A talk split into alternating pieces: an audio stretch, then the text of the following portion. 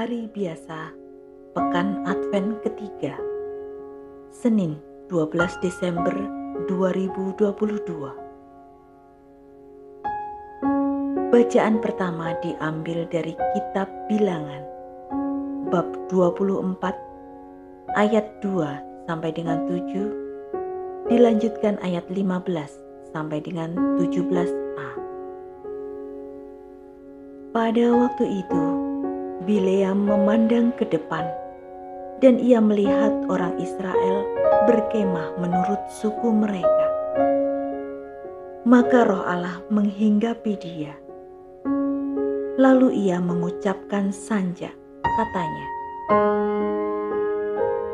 Inilah tutur kata Bileam bin Beor, tutur kata orang yang terbuka matanya tutur kata orang yang mendengar firman Allah, yang melihat penglihatan dari Yang Maha Kuasa sambil rebah, namun dengan mata tersingkap. Alangkah indahnya kemah-kemahmu, hai Yakub, dan tempat-tempat kediamanmu, hai Israel. Laksana lembah yang membentang luas, laksana taman di tepi sungai, laksana pohon gaharu yang di taman Tuhan, laksana pohon aras di tepi air. Seorang pahlawan tampil dari wangsanya, memerintah bangsa yang tak terbilang banyaknya. Rajanya akan naik tinggi melebihi Agak, dan kerajaannya akan dimuliakan.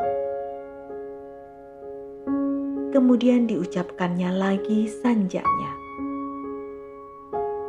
Inilah tutur kata Bileam bin Beor, tutur kata orang yang terbuka matanya, tutur kata orang yang mendengar firman Allah, dan yang memperoleh pengenalan akan yang maha tinggi, yang melihat penglihatan dari yang maha kuasa, sambil rebah, namun dengan mata tersingkap.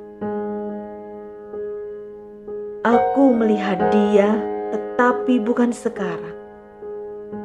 Aku memandang dia, tetapi bukan dari dekat.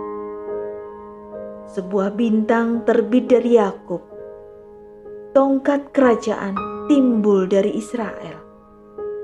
Ia meremukkan pelipis-pelipis Moab dan menghancurkan semua anak Sep. Demikianlah Sabda Tuhan.